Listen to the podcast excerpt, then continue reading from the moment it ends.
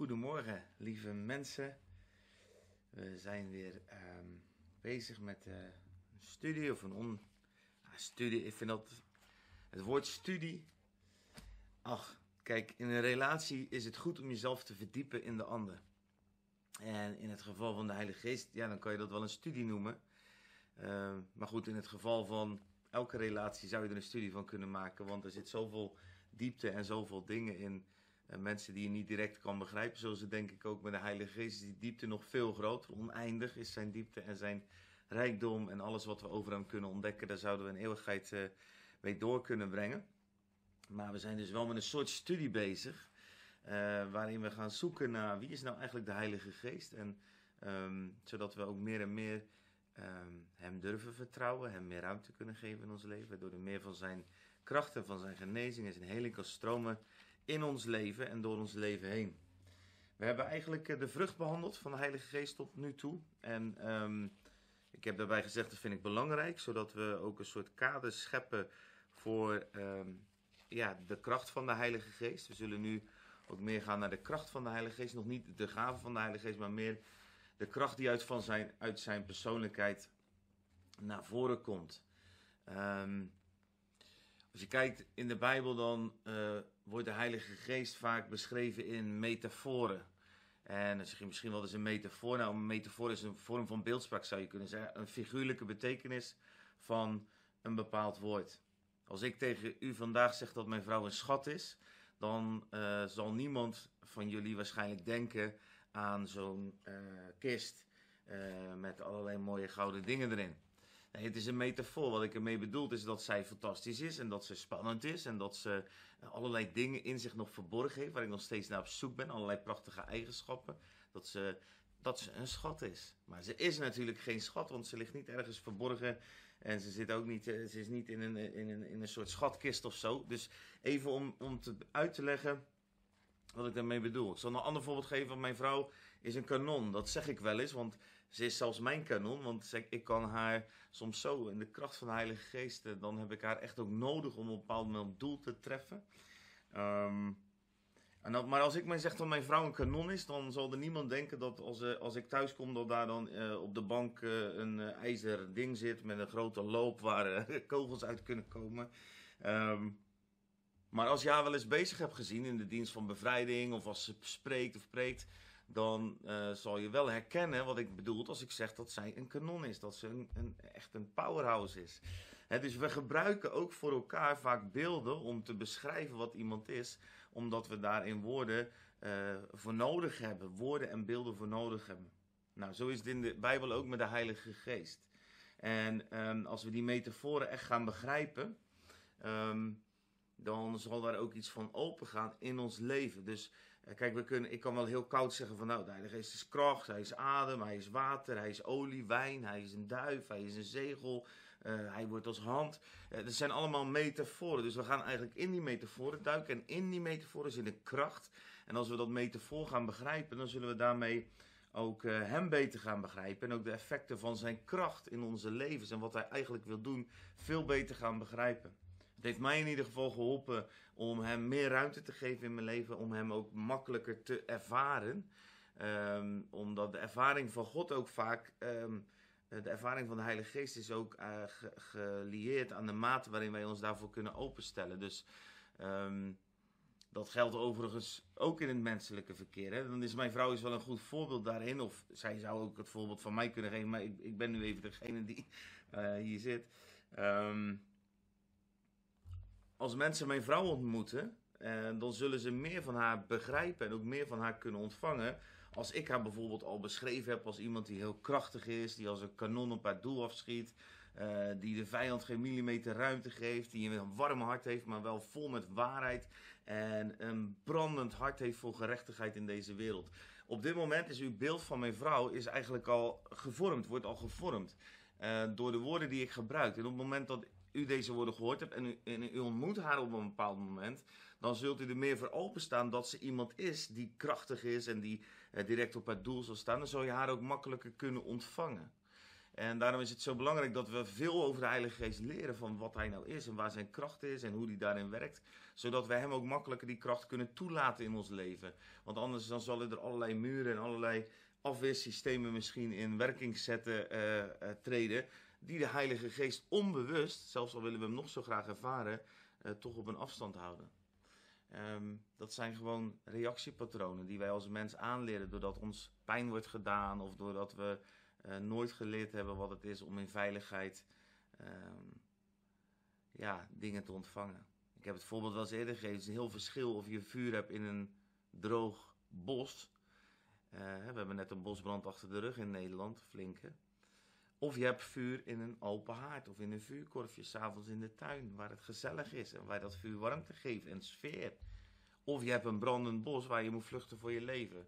En um, het vuur is hetzelfde, maar de manier waarop wij het ontvangen en de manier waarop wij ermee uh, in ons leven uh, dat een plaats geven, dat gaat ook heel veel over hoe wij uh, dat vuur leren kennen. In dit geval de Heilige Geest leren kennen en de manier waarop hij dan kan gaan werken.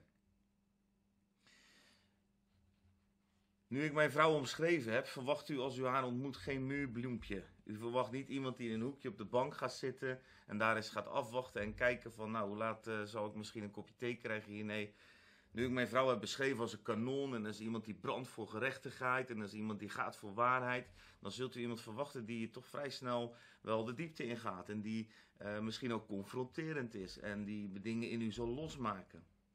En um, dat is dus ook met de Heilige Geest. Dus de Heilige Geest altijd een soort achter.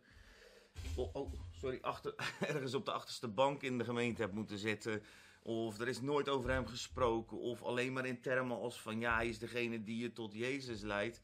Of hij is degene die in ons werkt zodat we uh, tot geloof kunnen komen. Wat overigens allemaal waar is. Ook die dingen komen nog langs verderop in deze um, filmpjes die ik aan het maken ben. Maar um, dan zal je niet op, heel verbaasd staan als de Heilige Geest in één keer met heel veel kracht komt en je wordt aangeraakt en er gebeurt iets in je lichaam. Dan denk je, oh, oh, oh, en dan, dan wijs je hem onbewust, dat zal je niet bewust doen, zal je hem, zal je hem blokkeren. En de Heilige Geest is gentle, maar God dwingt nooit. God, God geeft altijd de ruimte voor de keuze, die respecteert onze vrije wil.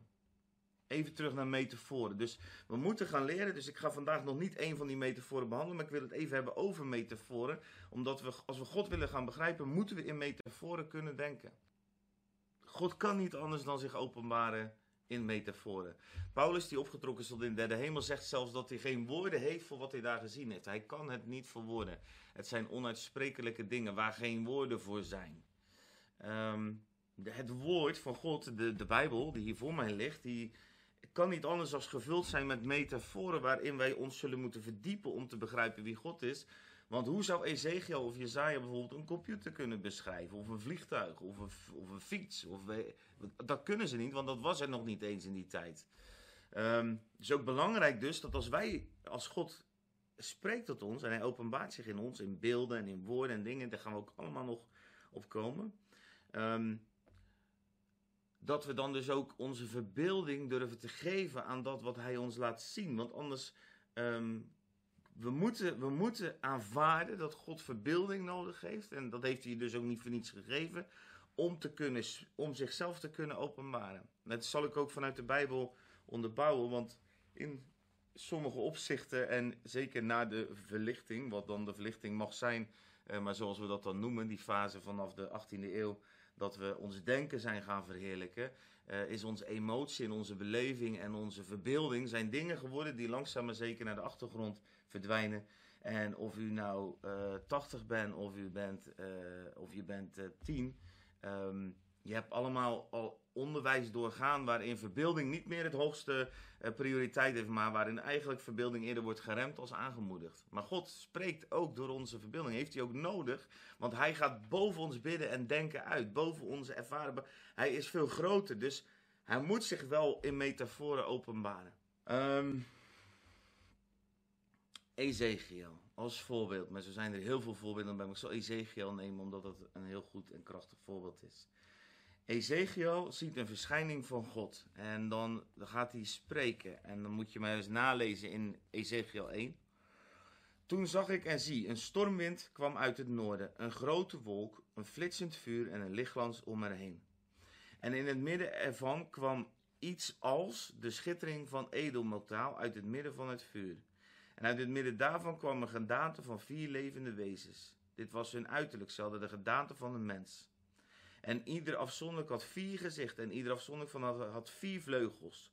Hun voeten waren rechte voeten, hun voetzolen waren als de voetzolen van een kalf, glinsterend als de schittering van gepolijst koper. Aan vier zijden onder hun vleugels waren mensenhanden en wat hun gezichten betreft en hun vleugels gold voor alle vier, hun vleugels raakten elkaar. Ze draaiden zich niet om wanneer ze gingen, ze gingen ieder recht voor zich uit. Nou, zo gaat dit een hele tijd door. Je moet maar eens lezen, het, zijn, zijn, het is een heel hoofdstuk. Waarin hij voortdurend hebt, iets ziet eruit als, het ziet eruit als, het ziet eruit zoals ongeveer dat. Moet je maar eens lezen, echt interessant. En dan heb je aan het eind een beeld van God gekregen, met heel veel metaforen. Um, want Ezekiel kan dus niet gewoon in een paar woorden zeggen wat God is, wat hij daar ziet. En dit is maar één beeld van God. Er zijn zoveel beelden van God als hij verschijnt. En dat geldt dus ook als hij verschijnt aan jou. Dan kan hij er op een hele andere manier uitzien. Of op, zeg, op een hele andere manier, of in een hele andere vorm, of een hele andere kracht openbaren. Als dat jij misschien in jouw denken toe zou kunnen laten. Nou, wat wil ik je vandaag als challenge meegeven? Omdat we nu naar de metaforen gaan en de kracht in die metaforen ook in ons leven willen gaan ervaren, uh, wil ik je vandaag vragen om jezelf te oefenen in metaforen.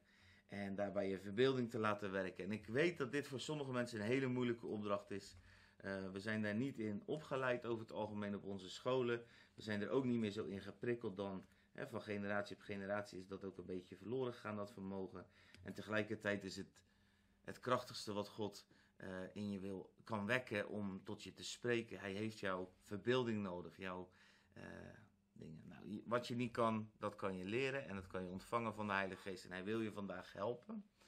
Um, maar dingen leren, dat gaat vooral ook door te doen. Dus ik ga je, vanda ik ga je vandaag uitdagen om een, een liedje te schrijven. En dat hoeft geen liedje op een wijs te zijn, maar gewoon een soort, nou, een soort bijbelvers. Schrijf eens een bijbelvers van, van zes uh, regels over de Heilige Geest en over wie Hij is voor jou. En probeer daar eens één, twee of drie metaforen in te gebruiken. Eén, twee of drie dingen die iets zeggen over Hem, maar die Hem niet zijn.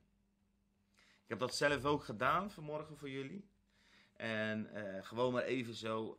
Hoeven we allemaal geen uren voor te nemen, maar schrijf gewoon eens op. En natuurlijk vind je, zeg je gelijk, oh, dat vind ik moeilijk. Een ander die vindt het misschien heerlijk, of die zou het liefst een kwast pakken om de Heilige Geest en wat hij daarvan ziet te schilderen. Maar probeer het eens in woorden te vangen, want het is ook het woord waardoor God spreekt.